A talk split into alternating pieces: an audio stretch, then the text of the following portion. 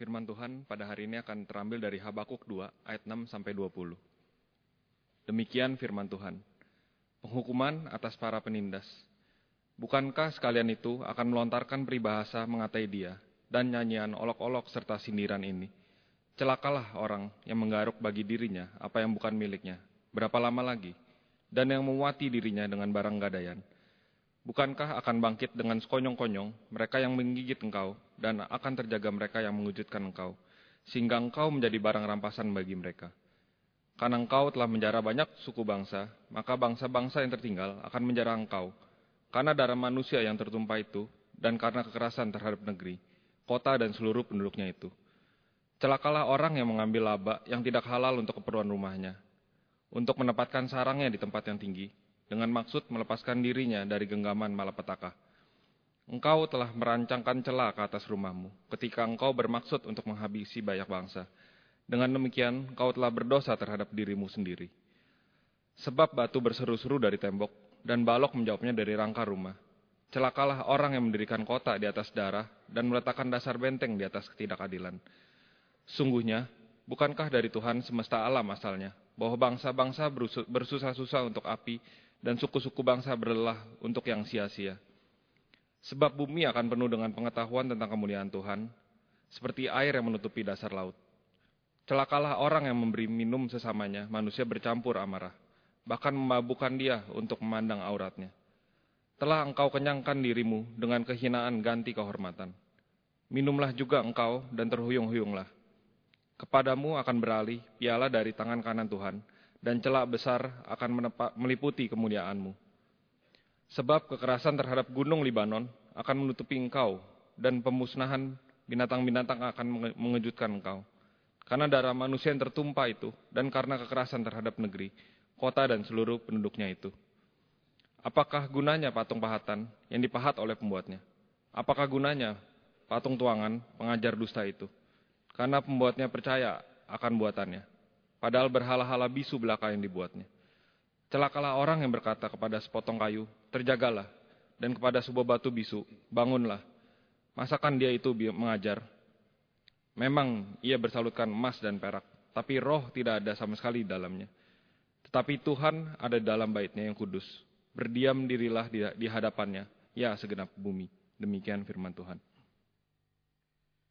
Demikian pembacaan firman Tuhan yang berbahagia mereka bukan hanya membaca mendengar, tapi yang juga melakukan di dalam kehidupan setiap hari.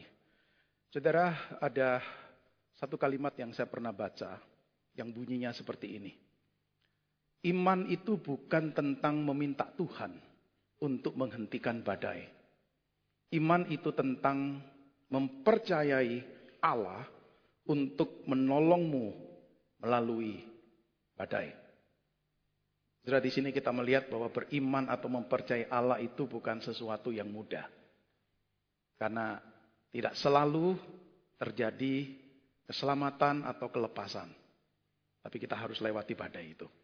Dan di tengah-tengah badai itu kita tetap diminta untuk beriman. Saudara sepanjang bulan ini kita belajar kitab Habakuk. Ada orang memberi judul untuk kitab Habakuk adalah Trusting God in Troubled Times mempercayai Allah di dalam masa-masa yang sulit. Tapi ada juga orang memberi judul seperti ini untuk kitab Habakuk.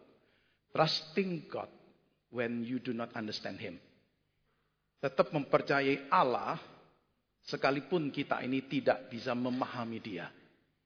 Setelah itulah pergumulan dari Nabi Habakuk kan. Dari sejak pasal pertama kita melihat dia mengajukan pertanyaan ini. Berapa lama lagi ya Tuhan aku berteriak tetapi tidak kau dengar. Aku berseru kepadamu kekerasan, tetapi tidak kau tolong. Mengapa engkau memperlihatkan kepadaku kejahatan dan memandangi saja kelaliman? Saudara Nabi Habakuk melihat keadaan di sekitarnya. Orang-orang sebangsanya sendiri. Orang-orang Yahudi yang tinggal di Yehuda. Saudara mereka hidup di dalam kemerosotan moral terjadi kejahatan, ketidakadilan, penindasan, kelaliman, aniaya, pertengkaran. Saudara, Habakuk bertanya pada Tuhan. Tuhan kau melihat semuanya ini. Tetapi sepertinya engkau tidak lakukan apa-apa. Tampaknya Tuhan itu diam dan tidak berbuat apa-apa. Apakah Allah peduli? Saudara kemudian Allah menyatakan jawabannya pada pertanyaan ini. Dengan Allah mengatakan, saya peduli, aku peduli. Dan aku akan lakukan sesuatu. Apa yang Allah lakukan? Setelah di dalam kitab Habakuk kemudian kita tahu bahwa Allah berkata kepada Nabi Habakuk bahwa dia akan menghukum Israel melalui bangsa Babel atau orang-orang Kastim. Sudah hal ini membuat Habakuk lebih bingung lagi. Untuk menghukum atau mendisiplin umat Allah, kenapa harus dipakai bangsa yang jahat? Maka saudara jawaban dari Allah itu tidak memuaskan Habakuk. Maka ketika dia tahu bahwa Allah akan memakai bangsa Kastim atau bangsa Babel yang jahat, dia bertanya seperti ini. Mengapakah engkau memandangi saja orang-orang yang berbuat kianat itu dan berdiam diri ketika orang fasik menelan orang yang lebih benar daripadanya. Setelah Habakuk merasa tidak bisa mengerti kenapa kebrutalan orang-orang Babel, kebrutalan, kejahatan orang-orang Kastim ini dibiarkan saja oleh Allah, malah sepertinya diberi tempat untuk menghukum Israel. Maka pertanyaan dari Nabi Habakuk adalah di mana keadilan Allah? Where is God justice? Di mana keadilan dari Allah? Saudara yang dikasih oleh Tuhan, hari ini kita melihat teks yang kita baca hari ini dan Tuhan sekali lagi mau memberikan jawaban. Saudara kenapa? Karena memang Habakuk menunggu jawaban. Di pasal 2 ayat ke 1 dia menunggu. Apa sih yang akan difirmankan Tuhan kepadaku? Dan apa yang akan dijawabnya terhadap pengaduanku? Dia tunggu nih setelah dia menyampaikan pengaduannya. Menyampaikan pertanyaannya. Menyampaikan keluhannya. Sekarang dia ajukan ini, pertanyaan ini dan dia tunggu apa jawaban Tuhan. Dan maka dalam perikop yang tadi kita baca. Perikop Habakuk 2 ayat 6 sampai 20 adalah satu jawaban lagi dari Tuhan. Kepada Habakuk yang bergumul dan bertanya mengenai kejahatan dan kelaliman yang dia lihat. Dan melalui jawaban ini kita akan melihat nanti bahwa diamnya Allah itu bukan berarti dia tidak hadir, bukan berarti dia absen. Diamnya Allah itu bukan berarti Allah tidak bekerja. Allah bekerja, tetapi dia bekerja sesuai waktunya dan sesuai dengan timingnya sendiri, sesuai dengan kehendaknya. Bukan ditentukan oleh waktu dan kehendak manusia. Diamnya Allah bukan berarti dia Allah yang tidak peduli dengan kejahatan. Diamnya Allah bukan berarti dia tidak peduli dengan ketidakadilan. Dia adalah Allah yang adil dan dia pasti akan menyatakan keadilannya. Tetapi sekali lagi, sesuai dengan waktunya. Setelah Habakuk kepingin Tuhan segera bertindak. Tapi Tuhan punya timingnya sendiri untuk bertindak. Maka di dalam perikop yang tadi kita baca, itu merupakan jawaban dari Tuhan kepada Habakuk. Yang bertanya, kapan sih engkau bertindak nih? Terhadap orang-orang yang jahat ini. Saudara yang dikasih oleh Tuhan, tema yang diberikan kepada saya hari ini dari Habakuk 2 adalah Judgment on the Wicked. Yaitu penghakiman atau penghukuman atas orang-orang jahat. Dan perikop kita hari ini menunjukkan hal itu. Saudara di dalam perikop yang tadi kita baca muncul satu istilah atau satu kata yang diulang lima kali. Yaitu sungguh celaka. Saudara itu terjemahan Alkitab terjemahan baru edisi kedua. Kalau edisi yang pertama itu masih menerjemahkan dengan kata celakalah. Atau bahasa Inggrisnya itu wow. Surah ayat 6, 9, 12, 15, 19. Lima kali disebut ini. Surah kata sungguh celaka. Atau celakalah. Itu sering dipakai di dalam Alkitab. Khususnya di perjanjian lama ini. Sebagai satu pengantar. Bahwa sebentar lagi ini akan diumumkan penghakimannya. Sebentar lagi akan dideklarasikan.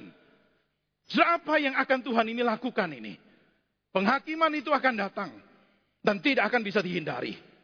Jadi kata sungguh celaka atau celakalah ini dipakai untuk menarik perhatian pendengar. Supaya serius melihat apa yang akan dilakukan oleh Tuhan. Jadi kata ini bukan memiliki arti satu kutukan. Maka saya tidak setuju ada terjemahan yang menerjemahkan terkutuklah. Jadi bagi saya bukan itu artinya. Sungguh celaka atau celaka. Celakalah. Itu satu ungkapan duka. Kesedihan. Kasihan. Prihatin. Sepertinya saudara kita melihat satu bencana dialami seseorang. Atau akan dialami seseorang. Lalu kita berkata, aduh celaka nih. Atau kita melihat satu bencana jelas akan mendatangi seseorang. Dan kita berkata, wow, mengerikan sekali yang akan dialami ini. Kira-kira itu artinya. Saudara siapa yang berbicara ini sih? Siapa yang berulang kali mengatakan sungguh celaka, celakalah ini? Sudah yang jelas bukan Nabi Habakuk. Tetapi Allah sendiri yang berbicara. Dan Allah itu memakai seorang atau manusia untuk menyatakan itu. Sudah maka kalau sudah melihat di dalam perikop dari kita baca, paling tidak muncul lima kali. Maka perikop ini bisa dibagi menjadi lima bagian. Five woes, lima celakalah. Ya ayat 6 sampai 8, 9 sampai 11, ayat 12 sampai 14, ayat 15 sampai 17, dan ayat 18 sampai ayat yang ke-20. Dan lima bagian ini memiliki apa ya pola atau struktur yang sama. Dimulai dengan ucapan sungguh celakalah atau celakalah. Lalu menggambarkan kejahatan atau dosa apa yang dilakukan. Dan yang berikutnya adalah kemudian penghakiman apa yang Allah akan jatuhkan. Saudara ini kira-kira isi dari lima celaka Allah itu. Saudara siapa yang mengatakan ini? Tadi saya katakan Allah. Siapa yang berbicara? Allah. Ya tentu Allah memakai manusia untuk berbicara. Tetapi saudara pertanyaan berikutnya adalah kepada siapa saudara? Kepada siapa nih? Khotbah tentang celakalah ini ditujukan. Saudara ditujukan jelas kepada orang-orang Kasdim tuh. Orang-orang Babel yang jahat, yang tidak benar. Yang di mana Nabi Habakuk bertanya, engkau diam saja, engkau mentoleransi kekejaman mereka. Tetapi saya percaya saudara di sini juga mencakup orang-orang Yehuda sendiri.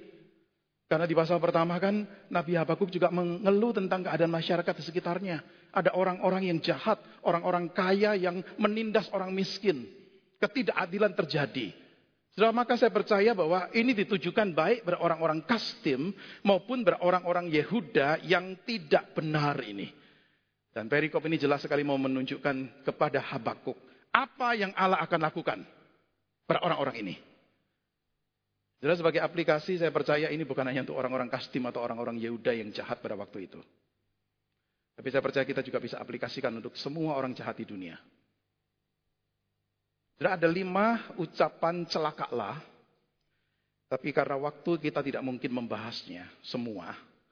Saya hanya ajak saudara melihat dua yang pertama. Celakalah yang pertama. Saudara, ungkapan ini ditujukan kepada siapa? Orang-orang yang mengumpulkan harta atau barang bagi diri sendiri dengan cara yang tidak benar, tidak jujur. Dikatakan begini, sungguh celaka orang yang menumpuk bagi dirinya apa yang bukan miliknya. Sampai berapa lama lagi kah? Demikian pula orang yang menimbuni dirinya dengan barang gadaian. Saudara mereka ini, orang-orang ini mendapatkan barang atau harta yang bukan milik mereka. Tapi mereka ambil, mereka rampas. Saudara kerajaan Babel, itu menaklukkan kerajaan-kerajaan lain. Mengalahkan bangsa-bangsa yang lain. Menguasai bangsa-bangsa yang lain. Dan juga apa? Menjarah mereka. Barang-barang mereka diambil semuanya. Begitu juga saudara di Yehuda. Ada orang-orang yang menjadi kaya. Kenapa? Karena menindas yang miskin. Mengambil barang milik yang bukan miliknya. Dan mereka lakukan dengan cara yang tidak benar. Merampas, mengumpulkan barang-barang yang sebenarnya milik teman sebangsa sendiri. Bahkan di sini dikatakan menimbuni dirinya dengan barang gadean. Saudara ini adalah satu pemerasan. Melalui akumulasi barang gadean. Saudara ini apa yang dimaksud dengan barang gadean? Saudara barang gadaian adalah barang jaminan. Pada waktu itu kalau ada seorang miskin mau pinjam uang, pada seorang yang kaya, tentu pasti ada bunga tinggi yang harus dibayar. Tapi selain itu, orang miskin ini harus memberikan semacam barang jaminan. Semacam deposit. Tentu barang ada nilainya. Supaya dia bisa dapat pinjaman itu. Saudara maka orang-orang miskin, orang-orang lemah waktu itu yang butuh uang tidak berpikir panjang lagi, tidak berpikir matang lagi, maka barang ini akan diberikan. Dan kemungkinan besar, saudara, mereka tidak akan barang-barang itu tidak akan pernah kembali kepada orang yang berhutang ini. Kenapa? Karena sebagian besar mereka tidak bisa melunasi hutangnya. Bahkan sudah ada kalanya.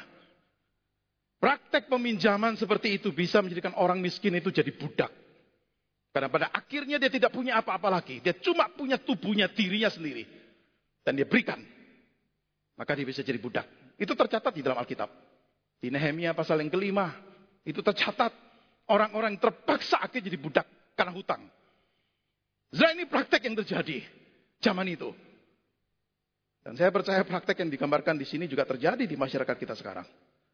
Ada orang-orang atau institusi-institusi yang memakai cara-cara bisnis atau marketing yang menipu untuk menarik customer yang mungkin polos tidak tahu banyak dengan tujuan untuk mendapatkan harta mereka, uang mereka sebanyak mungkin. Padahal orang-orang itu orang-orang yang mungkin tidak punya uang banyak, mereka para pekerja keras. Tetapi masih ditipu. Sudah di ayat yang ketujuh, ayat yang kedelapan. Habakuk menggambarkan penghakiman yang akan dialami orang-orang seperti ini. Bukankah dengan sekonyong-konyong akan bangkit para penagih utangmu? Dan akan terjaga mereka yang mengejutkan engkau sehingga engkau menjadi rampasan bagi mereka. Engkau telah menjara banyak bangsa, maka semua suku bangsa yang tersisa akan menjaramu. Karena darah manusia yang tertumpah itu dan kekerasan dalam negeri, kota, serta seluruh penduduknya. Kalau saudara perhatikan baik-baik kalimat ayat 7 dan ayat 8 ini. Kita bisa melihat apa yang kita kenal sebagai reversal of fortune. Satu pembalikan nasib. Dari orang yang memberi hutang, menjadi orang yang berhutang. Maka tadi kita melihat yang ketujuh. Bukankah dengan sekonyong-konyong akan bangkit para penagih utangmu? Engkau dulu bisa memberi hutang, memberi pinjaman. Tapi akan tiba waktunya. Engkau sendiri akan berhutang. Bahkan dikatakan di ayat yang ke-8 tadi. Mereka yang menjarah orang lain. Mereka satu waktu juga akan dijarah. Jadi inilah reversal of fortune, pembalikan nasib, pembalikan keberuntungan. Apa yang kerajaan Babel lakukan, menaklukkan dan berbuat kejam dalam bangsa-bangsa lain. Satu waktu mereka sendiri akan menuai itu. Mereka akan mengalami itu. Saudara inilah gambaran tentang keadilan yang dipulihkan. Saudara dengan menunjukkan pembalikan yang ironis ini. Dan setelah penghakiman Allah ini dikatakan di dalam ayat yang ketujuh tadi, itu digambarkan bisa terjadi sekonyong-konyong. Suddenly. Setelah Allah itu bisa melaksanakan penghakimannya dengan cara yang tiba-tiba. Setelah ingat kejatuhan kerajaan Babel. Diceritakan di Daniel pasal yang kelima. Setelah malam itu, Raja Babel dan mungkin anak buahnya masih berpesta pora malam itu. Raja Belshazzar masih berpesta pora malam itu. Tetapi digambarkan di Daniel pasal yang kelima. Muncul kerajaan baru, kerajaan media Persia.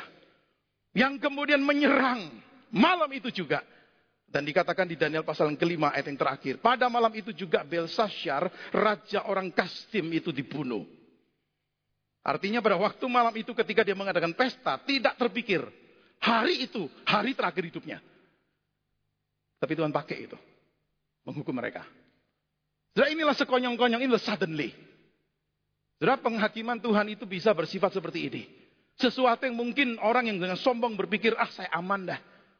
Saya nggak akan jatuh dah. Saya nggak akan dihukum dah. Tetapi bisa terjadi hukuman itu. Saudara yang dikasih oleh Tuhan hal yang mau disampaikan di dalam eh, celaka yang pertama ini. Adalah jelas sekali the punishment fits the crime. Hukuman penghakiman itu akan sesuai dengan kejahatan yang dilakukan. Saudara di satu di dua Tawarik pasal yang ke-26. Itu ada kisah seorang raja yang jahat, raja Usia. Dikatakan raja Usia ini tinggi hati dan tidak setia kepada Tuhan. Dan dia merasa dia perlu dihormati. Maka sekalipun dia tidak punya hak masuk ke bait suci, dia masuk ke bait suci. Dia mau membakar apa dupa di mesbah pembakaran. Dia nggak berhak, saudara. Yang berhak lakukan itu imam. Tapi dia mau menunjukkan apa? Dia berkuasa, dia powerful. Dia cari kehormatan. Maka bidang agama pun dia mau untuk sentuh dan dia mau masuk di sana. Tetapi sudah perhatikan, di dalam saat 2 Tawarik 26 itu, akibat dari dia lakukan itu dan ditegur oleh para imam, dikatakan apa? Muncul penyakit kulit yang menajiskan. Sehingga dia dinyatakan cemar, kotor, dan harus dikucilkan. Bahkan dikatakan di dua Tawarik 26 itu, Raja Usia itu menderita penyakit kulit yang menajiskan itu sampai hari kematiannya. Sudah perhatikan, dia cari kehormatan. Yang dia dapatkan bukan kehormatan. Dia mau mengotori, menajiskan bait suci. Dia sendiri yang dikotori dan dinajiskan. Setelah the punishment fits the crime. Contoh lain dalam Alkitab. Di kitab Esther. Seorang yang jahat bernama Haman karena iri hatinya dia ingin untuk menjatuhkan seorang yang bernama Mordekai. Dengan berbagai macam cara, berbagai macam trik dia ingin untuk menjatuhkan lawan nih, lawan dia atau musuh dia nih. Tapi sudah tahu singkat ceritanya. Dikatakan di Esther pasal yang ketujuh, Haman itu akhirnya sendiri digantung pada tiang yang telah disiapkannya untuk Mordekai. Setelah ini judicial irony ironi penghukuman yang tampaknya menjadi satu prinsip moral yang bisa terwujud di dunia ini. Dengan kata lain, ketika seseorang merancang sesuatu yang jahat, melakukan sesuatu ingin berhasil ataupun apa dengan cara tidak etis, dengan cara tidak benar, kejahatan itu akan terwujud dan menimpa dirinya sendiri. Saya mendengarkan khotbah Pak Riko di minggu pertama ketika dia menyebut Presiden Richard Nixon dari Amerika Serikat. Secara sekilas saya tidak tahu banyak tentang dia. Tapi dalam ambisinya dia tetap berkuasa. Dia memakai cara penyadapan. Tapi akhirnya kita tahu apa yang terjadi dengan Richard Nixon. Dia terkena skandal Watergate akibat dari penyadapan. Tindakan penyadapan yang dilakukan. Satu waktu dia menuai penyadapan itu sendiri yang menjatuhkan dia. Sudah tepat lain dikatakan di Mazmur 7 ayat 16 dan 17 ketika bicara tentang uh, orang yang jahat dikatakan begini. Orang jahat ini membuat lubang dan menggalinya. Tetapi ia sendiri jatuh ke dalam pelubang yang dibuatnya. Kelaliman yang dilakukannya kembali menimpa kepalanya dan kekerasannya turun menimpa batok kepalanya. Ini tulisan di Mazmur pasal 7. Orang jahat menggali lubang, dia jatuh pada lubangnya sendiri. Orang yang merancang kelaliman, kelaliman itu menimpa kepalanya sendiri. Orang yang merancang kekerasan, kekerasan itu menimpa batok kepalanya sendiri. The punishment fits the crime. Dan ini yang mau dikatakan di dalam celaka yang pertama ini. Orang-orang yang sering menipu orang lain. Satu waktu dia sendiri akan mengalami penuaian dia ditipu. Saudara yang dikasih oleh Tuhan ini satu peringatan yang diberikan oleh Allah melalui Habakuk ini kepada orang-orang Kastim, orang-orang Yehuda yang jahat. Yang kedua, contoh kedua.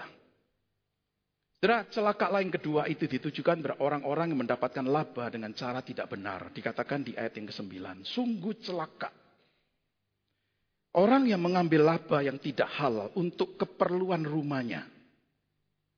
Untuk menempatkan kediamannya di tempat yang tinggi supaya terluput dari genggaman malapetaka.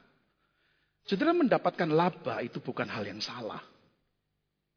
Tetapi hal yang salah adalah ketika mendapatkannya dengan cara-cara yang tidak benar, yang kotor.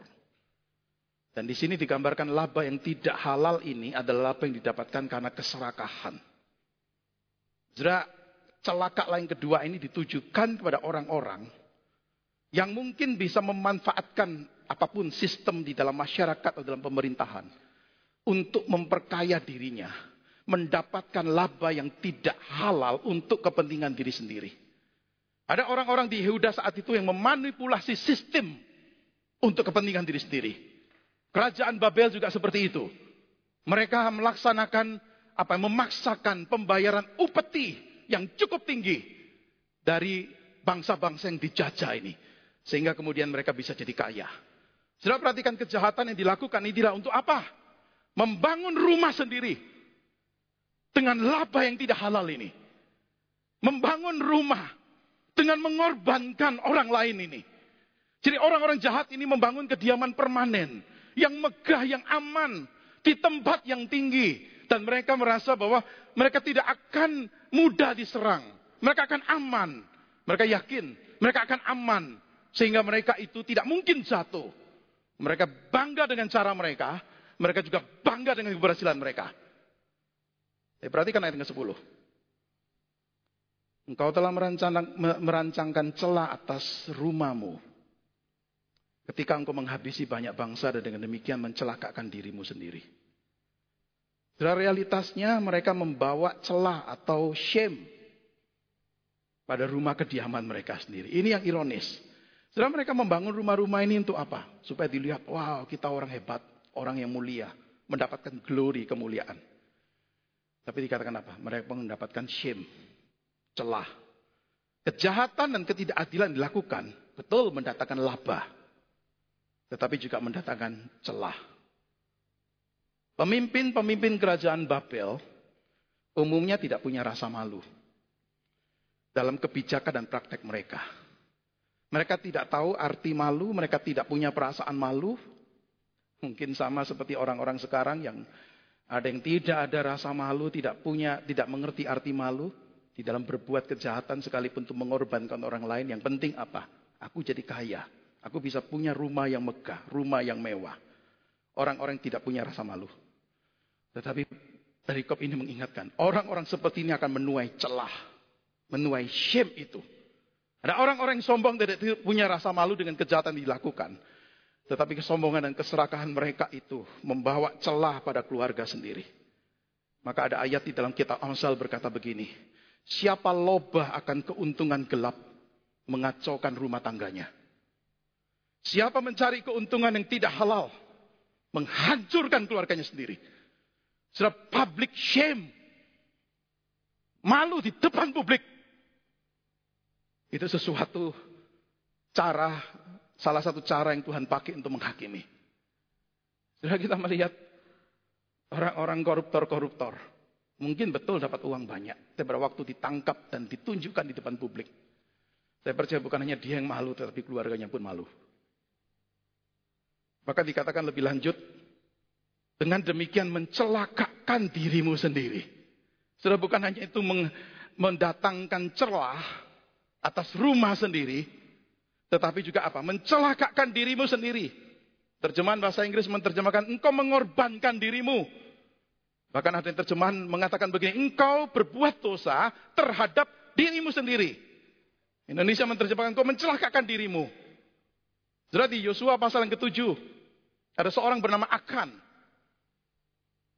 Dia mengambil barang karena keserakahannya, barang-barang yang seharusnya dimusnahkan. Karena Tuhan beri perintah itu. Tetapi karena dia tergiur dengan barang-barang itu. Diam-diam dia ambil nih. Dia pikir Tuhan tidak tahu. Tetapi Tuhan tahu. Dan apa yang terjadi sudah baca di Yosua pasal yang ketujuh. Dia dan seisi keluarganya dibinasakan. Tepat sekali dikatakan di dalam Amsal tadi. Siapa loba akan keuntungan gelap. Dia sesungguhnya sedang mengacaukan rumah tangganya sendiri. Saudara-saudara kejahatan, keserakan seperti ini jelas tidak akan bisa disembunyikan. Maka di ayat 11 dipakai gambaran itu. Batu berteriak dari tembok. Dan balok menjawabnya dari rangka rumah. Satu istilah metafor mau menggambarkan batu dan balok rumah yang dibangun dengan keserakahan itu. Sepertinya bisa berbicara. Sepertinya itu bisa bersaksi mengenai apa? Kejahatan dan keserakahan yang dilakukan. Sepertinya batu dan balok yang ada di rumah kediaman yang hasil keserakan itu bisa ikut protes melawan ketidakadilan yang dilakukan. Sudah memang betul mungkin suara orang yang ditindas, suara korban ini bisa dibungkam. Tetapi di sini dikatakan suara batu dan suara balok itu tidak bisa dibungkam. Mereka meneriakkan jeritan yang seperti mewakili korban-korban ini. Dan implikasinya apa saudara? Implikasinya jelas sekali. Allah tidak akan mengabaikan jeritan yang seperti itu. Sama seperti ketika Allah tidak mengabaikan jeritan Sodom dan Gomora. Katakan di Hakim-Hakim eh, kejadian pasal yang ke-18. Jeritan bangsa, jeritan terhadap Sodom Gomora sungguh banyak dan sungguh berat dosanya. Saudara ingat juga ketika Kain membunuh adiknya Habil. Dia pikir Tuhan tidak tahu. Tuhan tanya kepada Habil, kepada Kain, yang membunuh adiknya ini? Di mana adikmu Habil ini? Jawaban dari Kain apa? Aku tidak tahu. Apakah aku menjaga adikku? Sudah dia berpikir sudah berbuat jahat membunuh Habil. Lalu dia berpikir Tuhan tidak akan tahu. Maka ketika di mana Habil? Aku tidak tahu. Apakah aku menjaga adikku? Sudah apa jawaban Tuhan? Tuhan berkata begini. Darah adikmu berteriak kepadaku dari tanah. Sudah digambarkan darah sepertinya bisa berteriak. Artinya Tuhan tahu. Sudah ungkapan batu bisa berteriak. Balok bisa menjawab. Itu implikasinya apa? Jeritan-jeritan mereka itu didengar oleh Tuhan. Dan Allah yang mendengarkan jeritan untuk keadilan itu, dia akan membela keadilan dengan menghukum ketidakadilan. Sudah inilah jawaban. Dari dua contoh ini sudah bisa melihat. Saya ambil cuma dua contoh hari ini. Dan sudah lihat pelajaran rohaninya sangat keras sekali. Orang jahat akan menuai apa yang mereka tabur. Amsal 22 ayat 8 berkata orang yang menabur kecurangan akan menuai bencana. Tidak akan ada individu atau bangsa yang akan lolos dengan perbuatan jahatnya. Karena Allah adalah Allah yang tidak akan melupakan mengabaikan kejahatan yang dilakukan manusia. Orang jahat tidak akan pernah bisa tenang. Karena Allah akan, cepat atau lambat, Allah akan mendatangkan penghukuman. Kalaupun tidak mengalami penghukuman atau penghakiman itu di masa sekarang, tidak mungkin akan lolos dari penghakiman yang terakhir. Saya gambarkan seperti penulis Mazmur 73. Mazmur 73 ditulis seorang juga melihat, kok orang-orang jahat jadi kaya, jadi makmur. Kok hidup mereka enak, kok nggak ada penghukuman. Sampai kemudian penulis Mazmur dibawa untuk melihat bagaimana kesudahan akhir hidup mereka.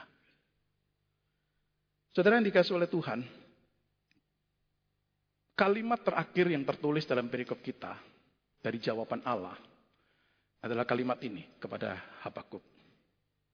Tetapi Tuhan ada dalam baitnya yang kudus. Berdiam dirilah di hadapannya, hai segenap bumi. Ketika Habakuk protes bertanya, di mana engkau Allah? Engkau nggak bekerja, engkau diam, engkau nggak peduli. Dikatakan Tuhan tetap ada di kediamannya. Artinya dia tetap ada di sana.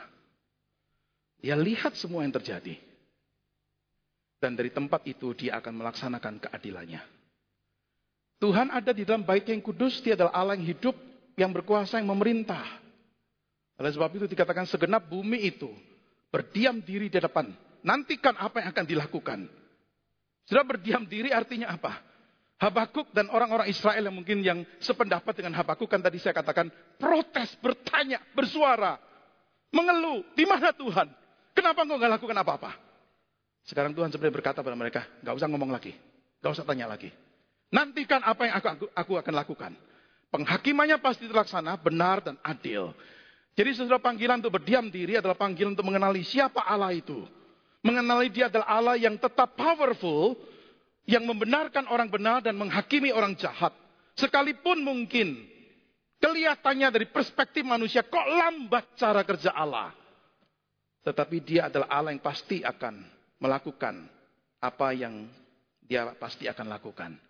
Berdiam diri itu artinya menenangkan diri depan Tuhan dengan keyakinan dia Allah. Maka di Mazmur pasal yang ke-46 itu dikatakan begini, diamlah dan ketahuilah, akulah Allah. Itu permintaan dari Tuhan. Allah udah berikan jawaban. Diminta untuk Habakuk tidak mengeluh lagi, tidak bertanya lagi, tidak protes lagi. Tapi diminta untuk apa? Mempercayai Allah mempercayai perkataannya, firmannya, dan mempercayai tindakannya. Maka itulah yang kita yang sudah pelajari minggu lalu kan. Dikatakan dengan jelas sekali orang benar akan hidup oleh percayanya. Sekalipun tidak mengerti kenapa ini terjadi. Tetapi tetap diminta untuk apa? Tetap percaya. Tetap setia. Itulah arti trusting God. When you do not understand Him.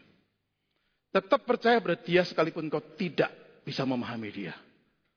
Tetap yakin kejahatan itu pasti akan diadili. Mari kita berdoa. Berkati renungan firman-Mu Tuhan, melanjutkan pembahasan kitab Nabi Habakuk. Pergumulan dari Nabi Habakuk yang juga mewakili pergumulan sebagian orang Israel waktu itu. Melihat kekerasan, kejahatan, kelaliman ada di sekitar. Bahkan melihat ada bangsa yang jahat yang bisa menindas bangsa yang benar.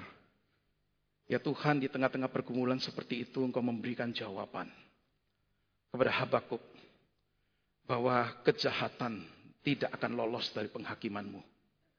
Dan bahkan di dalam momen-momen di dunia ini, momen-momen waktu di dunia ini penghakiman itu bisa terjadi. Orang-orang yang melakukan penindasan, merampas barang milik orang lain, melakukan kekerasan, mengorbankan orang lain demi kepentingan diri sendiri. Mereka akan berhadapan dengan penghakiman Tuhan. Orang-orang yang mencari laba dengan cara yang tidak halal untuk membangun rumah sendiri, untuk membangun keamanan kenyamanan diri sendiri, tanpa peduli betapa banyak korban yang jatuh. Satu waktu mereka ini ada orang-orang yang juga akan diadili oleh Tuhan. Tuhan kami menyadari satu kebenaran penting hari ini. Orang jahat akan menuai apa yang mereka tabur. Dan biarlah ini menjadi satu peringatan untuk kami semua dan biarlah kami juga belajar seperti Habakuk. Sekalipun banyak hal kami masih tidak mengerti. Adanya penderitaan, adanya kejahatan. Adanya kelaliman. Yang kok sepertinya Tuhan diam. Dan tidak berbuat apa-apa. Tetapi sesungguhnya diamnya engkau Tuhan bukan berarti engkau absen. Bukan berarti engkau tidak bekerja. Bukan berarti engkau tidak peduli dengan ketidakadilan. Bawa kami untuk belajar dari kitab Habakuk ini yang mengatakan bahwa orang benar akan hidup oleh imannya atau oleh percayanya.